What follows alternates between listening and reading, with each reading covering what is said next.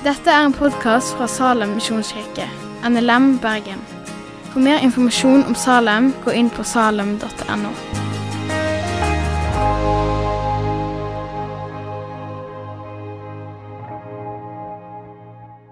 Det er jo så godt å kunne samles igjen, så det er jo dumt at det egentlig er sånn siste søndag der vi er fysisk sammen. I hvert fall. Fra og med neste søndag så er det eh, gudstjenester på nett. Søndager klokka 11 legger vi det ut. Eh, så da har vi laga til gudstjenester slik at gjennom hele sommeren eh, så er det mm, mulig å få noe input. Og så samles vi 1. august igjen her til faktisk dåpsfest søndag klokka 11. Så det har jeg noe å se fram til. Jeg eh, lurte lenge på eh, det, det siste gang jeg taler som, eh, som pastor, som, eh, som ansatt. Um, og I går talte jeg, og så, det var en veldig fin, fin kveld i går. Jeg fikk faktisk en, en kopp det står liksom 'verdens beste pastor' på. Og Det var da det gikk opp for meg at uh, de som er i Salomon, de har ikke vært der lenge nok til å erfare Svein og Eivind. Uh, så jeg får ta det som liksom den eneste pastoren de har erfart. da, kanskje. Uh, men hva tekst skal en lese? Og så tenkte jeg hva er, liksom, er ikke, Jeg håper og tror at det er typisk meg å bare stikke med Bibelen. altså Bare hold meg til det Bibelen sier. Så tenkte jeg vi fullfører selvfølgelig 1. Korinterbrev 16. Og så når jeg begynte å forberede meg, så opplevde jeg at dette jo, kan jo passe veldig bra. Så vi skal være i eh, kapittel 16 i 1. Korinterbrev. Um, og der vi leser Vi starter med å lese kapittelet. Um, så får vi, uh, får vi lest Guds ord i Jesu navn. Når det gjelder innsamlingen til de hellige, skal også dere gjøre slik jeg har pålagt menigheten i Galatia. Første dag i uken skal hver enkelt av dere hjemme hos seg selv legge til side så mye som dere er i stand til, for at innsamlingen ikke først skal begynne når jeg kommer. Når jeg er kommet, skal jeg gi anbefalingsbrev til dem dere finner skikket, og sende dem til Jerusalem med gaven. Om det er nødvendig at også jeg reiser, kan de dra sammen med meg. Jeg kommer til dere når jeg har vært i Makedonia. Der reiser jeg ikke bare gjennom, nei, der reiser jeg bare gjennom, men hos dere vil jeg nok bli en stund. Kanskje vinteren over. Så kan dere utruste meg for reisen videre, hvor den nå går. Denne gangen besøker jeg dere ikke bare på gjennomreise. Jeg håper å kunne bli en tid, hvis Herren tillater det. I Efesos blir jeg til pinse. For her er det åpne dører og rike muligheter for meg og motstanderen av mange. Dersom Timoteus kommer, så sørg for at han kan kjenne seg trygg hos dere for han gjør Herrens gjerning akkurat som jeg selv. Derfor skal ingen se ned på han. Hjelp ham videre på reisen og la ham fare med fred, så han kan komme tilbake. For jeg og våre søsken venter på ham. Når det gjelder vår bror Apollos, har jeg bedt han inntrengende om å reise til dere sammen med brødrene. Men han er slett ikke villig til å reise nå. Han kommer så snart han får anledning. Vær våkne, stå fast i troen, vær modige og sterke. La alt dere gjør, skje i kjærlighet. Enda en ting ber jeg dere om, søsken. Dere vet at familien til Stefanas var en første frukt i Akaya, og at, de har viet seg til tjenesten for de hellige. Også dere må underordne dere under slike som dem, under enhver som strever og arbeider sammen med meg. Jeg er glad for at Stefanas, Fortunatus og Akaikos er kommet. De har opplevd savnet av dere og beroliget både meg og dere. Har respekt for slike som dem. Menigheten i Asia hilser dere. Akvilas og Priska og menigheten som samles i deres hus, hilser dere hjertelig i Herrens navn. Alle våre søsken her sender sin hilsen. Hils hverandre med et hellig kyss. Jeg, Paulus, skriver min hilsen med egen hånd. Den som ikke elsker Herren, forbannet være han. Maranatha, Herre Jesu nåde være med dere. Min kjærlighet er med dere alle i Kristus Jesus. Skal vi be. Herre Far. Vi takker deg for ditt ord, som i vår gjennom første Korinterbrev har formant oss og trøsta oss og fornya oss og gitt oss tro. Vi ber om at uh, dette kapittelet òg kan få være noe å leve på, og noe å tro på, og noe å følge, Herre Far. Må du blåse din ånd, vi må blåse liv i disse ordene. Jesu navn. Amen. Tenk på forskjellen mellom 1. Korinterbrev 15 og 1. Korinterbrev 16. Sist søndag så snakka Svein om oppstandelsen og de store tankene. Det er kanskje det viktigste kapittelet vi har i Det nye testamentet. Og så plutselig så er vi nede helt på bånn av det praktiske i kapittel 16. Det er faktisk litt typisk Bibelen. Det er ingen tanker som er for høye, Og det er ingen saker som er for små til at Bibelen tar det opp. Fordi den kristne troen har rom for hele livet. Paulus som skrev dette, var ikke bare en sånn visjonær type som hele tida snakker i store bildene og så hadde hodet og, og, tankene i himmelen og i skyene. Men han hadde òg begge beina planta veldig godt på bakken. Så er det sånn at Paulus skrev ikke et brev med kapittel og vers. Eh, det håper jeg dere vet. At det var ikke sånn at Paulus eh, satte seg ned og skulle skrive til korinterne, så skrev han kapittel 1, og så begynner han. Um, hvis du gjør det sjøl, så må du bare slutte med det. Det er litt uh, sånn eh, 'Kjære mamma', kapittel 1. Det er litt sånn stormannsgalskap, egentlig. Men Paulus skriver bare et brev. I en flytende, Han bare fortsetter teksten. egentlig. Han skriver om oppstandelsen, den største sannheten i kristendommen og den viktigste. Men merk hvordan han avslutter nettopp den delen om oppstandelsen. Det som vi i dag kaller for kapittel 15. Jeg skal lese slutten og ta med litt kontekst, sånn at dere får liksom de store tankene. Og så se hvordan Paulus avslutter nettopp den sekvensen før han går videre til det vi nettopp har lest. Se, eh, Det står i første kor 15.51 utover. Se, jeg sier dere en hemmelighet. Vi skal ikke alle sovne inn, men vi skal alle forvandles. Brått, på et øyeblikk, ved det siste basunstøt. For basunen skal lyde, de døde skal stå opp i uforgjengelighet, og vi skal bli forvandlet. For det forgjengelige må bli kledd i uforgjengelighet, og det dødelige må bli kledd i udødelighet. Og når dette forgjengelige er kledd i uforgjengelighet, og dette dødelige er kledd i udødelighet, da oppfylles det som står skrevet. Døden er oppslukt, seieren er vunnet. Død, hvor er din brodd? Død, hvor er din seier? Dødens brodd er synden, og syndens kraft er loven. Men Gud være takk, som gir oss seier ved vår Herre Jesus Kristus. Derfor mine kjære søsken. Vi tror på oppstandelsen. Dette leder til noe. Derfor. Stå fast og urokkelig. Arbeid raust og rikelig for Herren. For dere vet at i Herren er ikke deres strev forgjeves. Vi som kristne vi kan gjøre ting som er forgjeves. Det, eh, det må jeg innrømme. Eh, jeg sitter noen kvelder sånn under EM nå Eh, og klistre klistremerker for fotballspillere. Ok, Jeg innrømmer det forgjeves. det er ingen evig verdi. Eh, vi kan ta den debatten etterpå.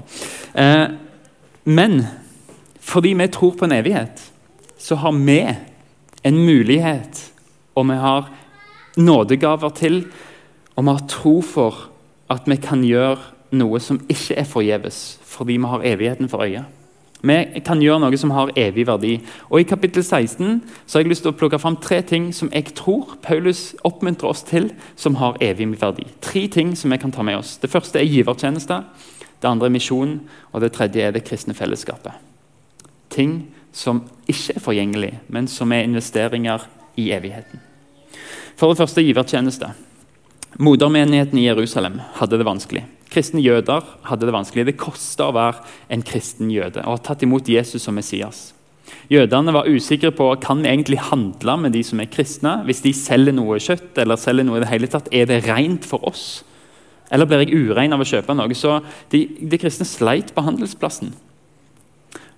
Og det ser vi faktisk mange plasser i dag òg. Vi ser kristne bli forfulgt. Vi ser messianske jøder bli fratatt statsborgerskap eh, i Israel. Vi ser det er vanskelig å være kristne rundt omkring i, i, verden. og Til og med i Norge så er det folk som har stått på talerstolen her som sier kan du være så snill å ikke legge dette ut på podkast, fordi jeg jobber innenfor eh, et felt. og Hvis en arbeidsgiver googler meg og finner dette, så stiller de spørsmål til om jeg er profesjonell egentlig fordi at jeg er kristen og tror. Så det å være kristen har alltid vært med litt motstand.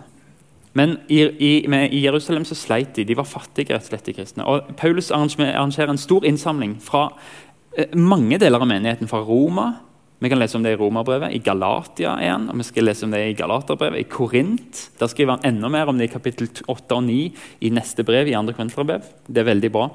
Eh, les det sakte, for da får du veldig mye om Bibelens tanker om det å gi. Men Paulus organiserer altså en sånn stor innsamling og gir menighetene rundt omkring i Asia en mulighet til å omsette den kjærligheten de har til søsken, i praksis. I å vise kjærlighet til Kristi kropp, som er akkurat nå det lemmet som lider i Jerusalem, i Israel. De kristne var ett. På den tida var det ikke sånn. De Romerne holdt seg veldig for seg sjøl, grekerne for seg sjøl, jødene for seg sjøl. Det var veldig sånn Dette er mitt folk, og her jeg viser omsorg til disse. Og det er min oppgave. Men Paulus åpner opp og sier ja, men her er vi én kropp. Hedninger og jøder. Her er det kristen omsorg som strekker seg utenfor vår egen kontekst. Og Det var et stort vitnesbyrd som var med på å spre nettopp kristendommen, når folk så at oi, her er det noe mer. Og givertjeneste det er et sånt vitnesbyrd. For det er en sånn omsorg i praksis, der folk ser oi, de bryr seg virkelig om hverandre. Og penger er jo egentlig, hvis du tenker på det, så er det jo en genial ting. Penger de kan, som ditt sendebud, så kan de gå plasser du ikke kan være, og hjelpe mennesker du ikke kan treffe. Så penger er en fantastisk tjener, men en veldig lumsk og ond herre. Men som tjener er penger en fantastisk ting. Og så er det Paulus som skriver hvordan skal vi gå fram med givertjenesten. For det første, det skal være første dag i uka. Det er snakk om søndagen, den første dagen. Paulus setter givertjeneste inn i kontekst av tilbedelse. Fordi tanken er at først så får vi fra Gud, og så givertjeneste er responsen tilbake. Paulus sier ikke 'når dere får lønn, så hold av'. Fordi at givertjeneste er ikke en sånn gave der 'dette kan jeg overse, over, dette kan jeg gi videre', men, men det er en respons, det er en tilbedelse. Vi gir ikke fordi vi tjener penger, men vi gir fordi vi tilber. Det er en takknemlighetsgave. Det er ikke noe du må, men en respons på at Gud har gitt deg noe i sitt liv. Det er en frukt av evangeliet. Så det skal være tilbedelse. Det skjer den dagen en tilber. Det skal være systematisk. Legg av hver uke. Søk først Guds rike, sier Jesus, og hans rettferdighet. Så skal du få alt andre i tillegg. Og Jeg tror, eh, jeg og Jeanette begynte veldig tidlig med, med givertjeneste og sier at vi ønsker å gi 10% som en sånn eh, bare, Vi har bare lyst til at det skal være sånn. Og vårt vitnesbyrd er at vi har aldri eh, mangla noe. Vi har aldri savna noe. Men første dag i uka, sier Paulus, prioriter det. Sett deg ned den første dag i uka og si denne uka så har vi lyst til å gi dette. Ok, Så gjør vi det først. Vi gir til Gud først. Og så kommer resten av uka. Og vårt vitnesbyrd iallfall vi har aldri mangla noe. Gaven skal være frivillig. En gir det en vil. En annen oversettelse er en gir det en får lykke til. Det er fordi vi ser på alt som en velsignelse fra Gud. Vi ser på alt som vi har fått, fått av Gud, og vi vil gi det videre. Han velsigner oss med mye, og vi vil gi tilsvarende. Men det er en frivillig gave. I Det gamle testamentet var det sånn at jødene måtte gi tempelskatt. De måtte gi tiende. Og I tillegg så måtte de, eller så ga de jo gaver ved festivaler, og sånt, så det var egentlig mer enn 10% de ga. Men i Nytestamentet så blir det gitt ansvaret til oss, så mye som vi får, så mye som vi ønsker. Og hvor mye skal vi egentlig gi, da? Paulus sier 'så mye du er i stand til'. Det er litt frigjørende og litt ransakende. Fordi det kan være mindre enn 10% som i den gamle pakt. Og det kan også være mer så mye som en er i stand til. Nåden er utrolig raus med oss. Og jeg tror den oppdrar oss til å være raus med andre òg. Dere kjenner vår Herre Jesu Kristi nåde. Enda han var rik, ble han fattig for deres skyld, så dere skulle bli rike ved hans fattigdom. Det er forbildet vårt på givertjeneste. Det er Jesus sjøl. Og hvor stopper han med sine gaver? Ikke før han hadde gitt livet sitt. Hva respons vekker det i deg? Sakkeus eh, var en liten mann, en bitte, bitte liten mann. Står det en plass? Jeg husker ikke hva bok det er. Eh, men han møtte Jesus og hadde svindla og stjålet til seg penger. Og i, i den gamle pakt, i, i Gamle testamentet, så var det regler som hvis du har stjålet, så skal du gi det dobbelte tilbake igjen. Og Det innser Sakkeus når han møter Jesus. Så blir han konfrontert og så sier han og hvis jeg har tatt penger fra noen, så skal de få dobbelt tilbake igjen. Men så er det Jesus han møter. Det er ikke loven. Men det er Jesus som er raus og som er mild. Og det gjør noe med Sakkausen. Han sier nei, nei, nei, ikke dobbelt. Fire ganger tilbake. Og Det er forskjellen på det loven krever av oss, og det nåden bærer fram i oss. For Når vi får møte Jesus og se hva han har gjort for oss, så vekker det mer enn det loven kan presse oss til å gjøre.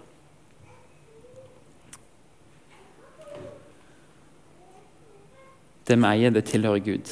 Og han velsigner oss slik at vi kan få være til velsignelse for andre. Slik at vi kan være med å bygge hans rike. Og Paulus kaller faktisk givertjeneste for en nådegave. Vi har hørt om tungetale og profetisk tale, helbredelse, tro. Vi har hørt om så mange nådegaver. Her kaller han givertjenesten for en nådegave. Og Det viser at dette er noe vi har fått av Gud, og som vi bruker for å bygge opp hans menighet. Og det er ikke forgjeves. Det er én ting vi kan gjøre. Fordi vi tror på en oppstandelse, så kan vi gjøre det her på jord, vel vitende om at det er en investering i evigheten. Det å gi og dele er ikke forgjeves. Så jeg tror En gang når jeg var liten, så, eller en gang, flere ganger, så, så fikk vi lørdagsgodt eller lørdagspenger av mamma og pappa. Så gjorde de det sånn at de ga det til én av søsknene. Og så sa de nå skal du dele med de andre. Og Det gjorde mamma og pappa for å bygge søskenfellesskap mellom oss. Og for å lære oss å dele, og for å lære oss at vi hører sammen som en enhet. Og jeg tror at når, når kristne, Guds barn, trenger noe Sier at én trenger 1000 kroner, en annen trenger 1000 kroner, eller menighet trenger det, og en annen menighet trenger det, så tror jeg det Gud Jeg tror Gud av og til elsker å gi 2000 til den personen, og så sier han nå vil jeg at du skal dele fordi dere er søsken. Jeg har lyst til å bygge søskenfellesskap. Og Kan det være det vi er kalt til med våre velsignelser? Nemlig det å vise et søskenfellesskap med andre mennesker som har behov, som også er kristne. Så givertjeneste er ikke forgjeves. En annen ting som ikke er forgjeves, er misjon og sendelse. Paulus er i Efesos når han skriver brevet til korinterne. Planen hans er å være der til pinse. Hvorfor? Sier, hvem er det som bestemmer det? Paulus, Guds apostel, som egentlig har planta menigheter som kan reise ut som han vil. Jeg skal være her til pinse. Hva er det som gjør at Paulus sier det? Jo, her er det åpne dører og rike muligheter til å forkynne evangeliet. Og det er mye motstand. Mye motstand er ikke et bevis på at du ikke er i Guds plan. Men sånt er litt utfordrende for meg å lese. For vi kan spørre oss, Der jeg bor, de plassene jeg går i, eller det miljøet jeg går i, er det åpne dører for å fortelle om Jesus? Er det rike muligheter for å forsyne evangeliet? Iallfall Paulus ser ut til å tenke at så lenge det er åpne dører og rike muligheter, så er jeg her. Men når de stenger, så drar jeg videre. Kan det være at Paulus så på Guds ledelse nemlig som åpne dører og rike muligheter? At det var Guds ledelse for Paulus? Er det rike muligheter for å dele evangeliet der du er. Liv kan se forskjellig ut. Jeg har forskjellige måter å dele på. Så jeg, jeg, jeg er ikke noen til å si at det, eh, at det ikke er rike muligheter for deg. Men ser du rike muligheter til å dele evangeliet der du er? Paulus planla til å være i Efesos eh, til pinse. Men faktisk ble motstanden så stor at han måtte flytte. Før pinse så måtte han flykte. Det kan vi lese om i apostelgjerningene 19-20. Og Der er det noen ord jeg vil lese til dere. Fordi, nettopp fordi at dette er den siste talen der som jeg som ansatt pastor taler til dere, så har jeg lyst til å låne noen av Paulus sine ord. Fordi Paulus møtte menighetens leder fra Efesos på ei strand. I hemmelighet. Han måtte reise og tilkalte til seg de eldste på ei strand der han talte til dem og sa sine siste ord til lederne. Hvordan tar en pastor farvel? Og de, Den teksten her ble veldig tidlig for meg. Jeg satt og leste den på kontoret en dag, så dette en dag så vil jeg at noen av disse tingene her skal være sant om min tjeneste i Salem. Og etter det så har jeg hatt det i bakhodet når jeg planlegger hva jeg skal si. Hva skal vi forkynne av dette semesteret her? Um, så kan du ta dette som en hilsen fra meg til deg. Og så er jo Paulus sin kontekst en annen, og det vil være noe som ikke er gjenkjennelig. Men kan du ta dette som en hilsen fra meg, som siste gang jeg taler som pastor, til dere? Vi leser fra apostelgjerningene 20, vers 17 og utover. Fra Miletos sendte Paulus bud til Efesos og kalte til seg menighetens eldste. Da de var kommet, talte han til dem. Dere vet hvordan jeg har gått fram hos dere hele tiden. Fra første dagen jeg satte foten i Asia. Jeg har tjent Herren i all ydmykhet og med tårer. I alle de prøvelsene jødene har ført over meg med sine onde planer. Dere vet at jeg ikke holdt noe tilbake som kunne gagne dere. Men jeg har forsynt for dere, undervist for dere, både offentlig og i hjemmene. Jeg har vitnet for både jøder og grekere om omvendelsen til Gud og troen på vår Herre Jesus Kristus. Og nå drar jeg til Jerusalem, bundet av Ånden. Hva som skal møte meg der, vet jeg ikke. Men Den hellige ånd vitner for meg i by etter by og varsler om lenker og forfølgelser som venter meg. Men for meg er ikke liv eller død verdt å snakke om. Bare jeg kan fullføre løpet av den tjenesten jeg fikk av Herren Jesus, og vitne om evangeliet, om Guds nåde. Og nå vet jeg at alle dere som jeg har forkynt og levd blant og forkynt riket for, aldri mer skal se ansiktet mitt. La oss ikke være så dramatiske, men eh, Derfor erklærer jeg for dere på denne dag. Og denne setningen her har gjort at jeg har følt meg av og til forplikta på å gå inn og snakke om ting som er vanskelige. Og jeg har prøvd ikke å hoppe over de vanskelige sannhetene i kristendommen. Derfor erklærer jeg for deg for dere på den dag at jeg er uten skyld om noen får spille sitt liv. For jeg har på ingen måte unnlatt å forkynne hele Guds plan og vilje. Ta vare på dere sjøl og på hele den flokken som Den hellige ånd har satt dere til å være tilsynsmenn for. Vær hyrder for Gud, Guds menighet, som han vant ved sitt eget blod. For jeg vet at når jeg har dratt bort, vil glupske ulver trenge inn blant dere, og de skåner ikke flokken. Ja, blant deres egne skal det stå fram menn som farer med falsk lære for å få dratt disiplene med seg. Våg derfor og husk at jeg dag og natt i tre år aldri holdt opp med å rettlede hver eneste av dere med tårer. Og nå overgir jeg dere til Gud og til Hans nådeord, som kan bygge opp og gi dere arven sammen med alle dem som er blitt helliget. Jeg har aldri vært ute etter sølv eller gull eller klær fra noen. Dere vet selv at disse hendene har skaffet meg og medarbeiderne mine det vi trengte. Alltid har jeg holdt fram for dere at vi må arbeide på denne måten og ta oss av de svake. Husk de ordene Herren Jesus selv sa. Det er saligere å gi enn å få. Da han hadde sagt dette, falt han på kne sammen med dem, og alle ba. De brast alle i gråt og falt Paulus om halsen og kysset ham. Det som ga dem mest sorg, var, han, var det han sa om at de aldri skulle se ham igjen. Så fulgte de han til skipet. Og kanskje eh, jeg, jeg, sa det i Salomon i går, eh, salen på lørdagsgudstjenesten, og jeg kan si det her òg, men kanskje gjelder det veldig ofte de, de yngre. Men, men, ta det til dere òg. Um, som pastor i sjelesorg, i samtaler, så har jeg sett så mange av våre medlemmer Altså, jeg har sett for mange av våre medlemmer forlate troen fordi de ikke ville leve annerledes. De ville ha alt Jesus hadde å gi, men de ville ikke følge han som herre. Jeg tror det å ikke ha Jesus som herre det, det, er nåde å bli en kristen, det er gratis å bli en kristen.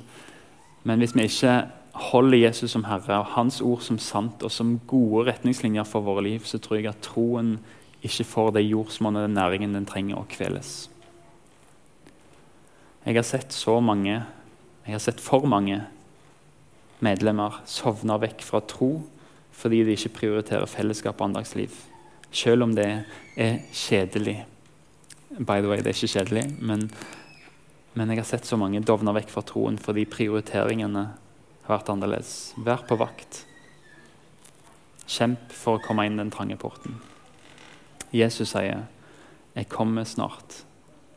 Hold fast på det du har, så ingen tar seierskransen fra deg.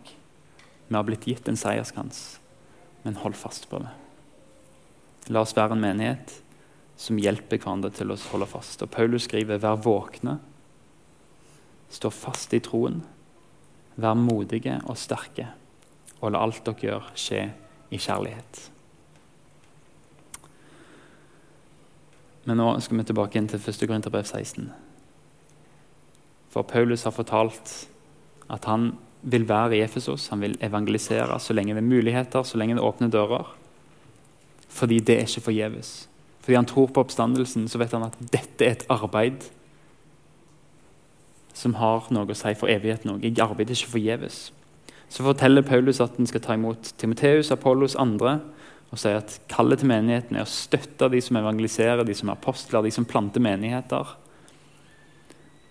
La oss være en menighet som heier fram alle. Som reiser ut som misjonærer, som planter menigheter, som evangeliserer, som er på sitt sted, åpner sine hjem. La oss elske det fram hos hverandre.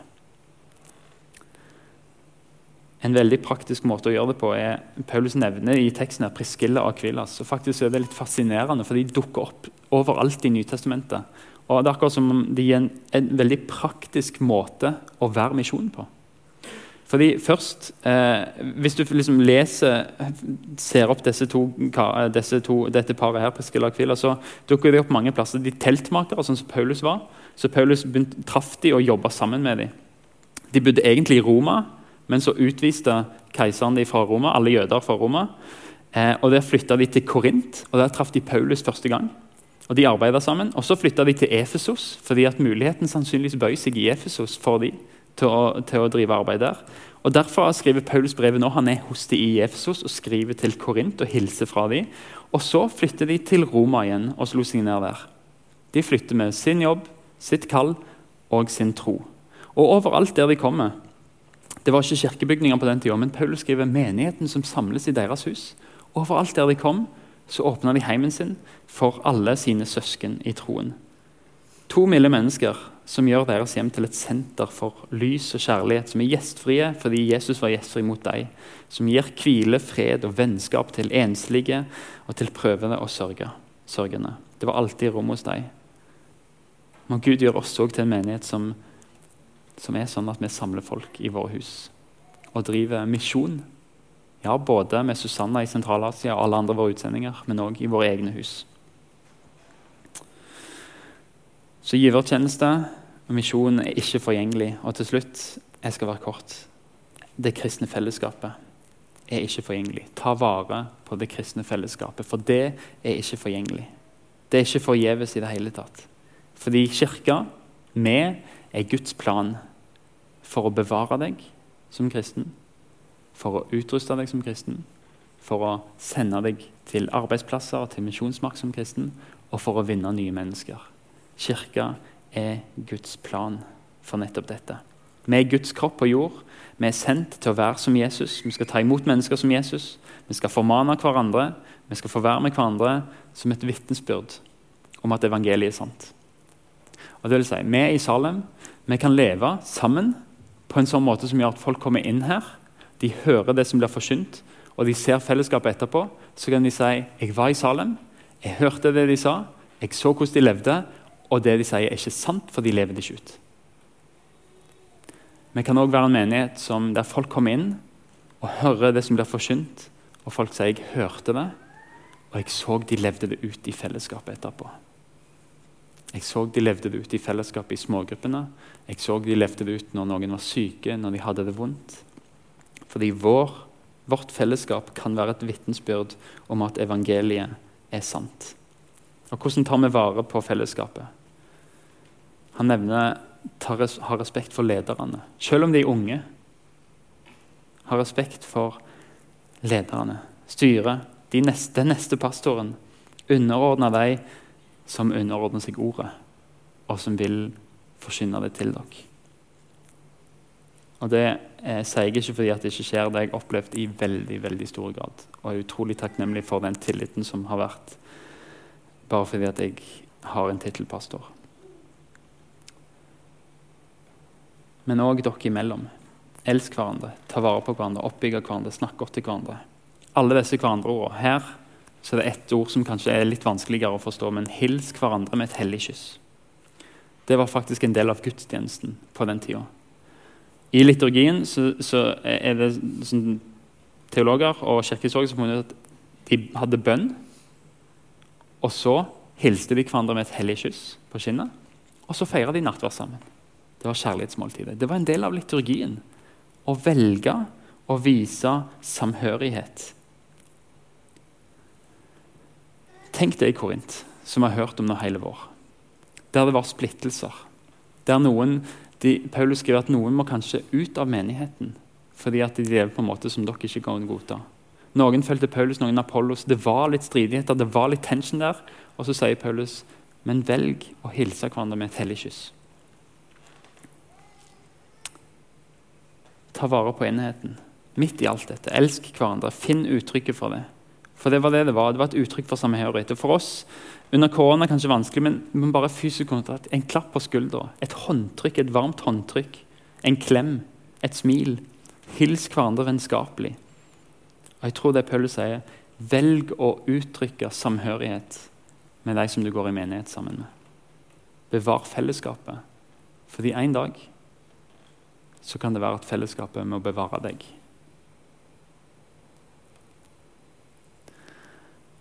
Givertjeneste, misjon og det kristne fellesskapet. Tre ting som ikke er forgjengelig.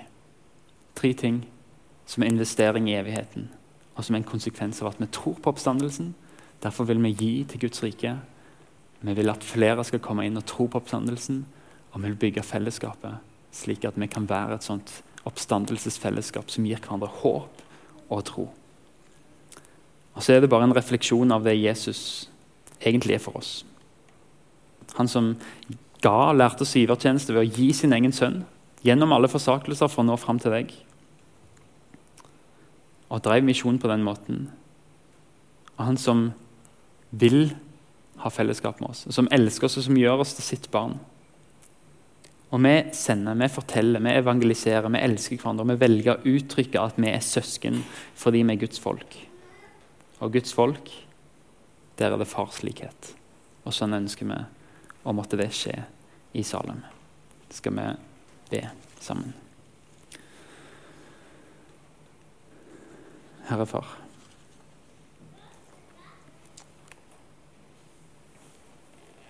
Hellig, hellig, hellig er du den allmektige, du som var, og du som er, og du som kommer. Jeg ber for Salem, jeg ber for vårt fellesskap. Jeg ber om at du kan lede våre hjerter fram til Guds kjærlighet og Kristi tålmod med hverandre. Jeg ber om at vi sammen skal nå fram til en større modenhet i troen. Herre, du som er rik på herlighet, gi våre indre mennesker kraft og styrke ved din Hellige Ånd. Jeg ber om at du kan bo i våre hjerter, sånn at vi kan stå rotfesta og grunnfesta i din kjærlighet. Jeg ber om at du bygger fellesskapet i Salem på den måten at vi sammen kan bli i stand til å fatte bredden og lengden, høyden og dybden i å kjenne Kristi kjærlighet som overgår all kunnskap. Fyll oss med hele din fylde, Gud. Jeg ber om at kjærligheten vi har til hverandre og til andre mennesker, kan få vokse seg rik og stor. Styrk på den måten våre hjerter, sånn at vi kan stå uklanderlige og hellige foran deg når du kommer igjen, Jesus. Og Jeg ber om at vår kjærlighet må bli mer og mer rik på innsikt og dømmekraft. Så vi kan forstå og avgjøre hva som er viktig, og stå rene og uten feil på Kristi dag, fylt av rettferdsfrukt som vokser fram ved Jesus Kristus til lov og ære for deg, Gud. All lov og pris og visdom, takk og ære tilhører deg, min Gud. Du som virker i oss med din kraft og kan gjøre uendelig mye mer enn det vi ber om og forstår. Deg være ære i kirka og i Kristus Jesus gjennom alle slekter og evigheter. Amen. Takk for at du har hørt på podkasten fra Salem, Bergen. I Salem vil vi vinne, bevare, utruste og sende, til Guds ære. Vi ønsker å se mennesker finne fellesskap, møte Jesus og bli disippelgjort her i Bergen og i resten av verden. Vil du vite mer om oss, gå inn på salem.no.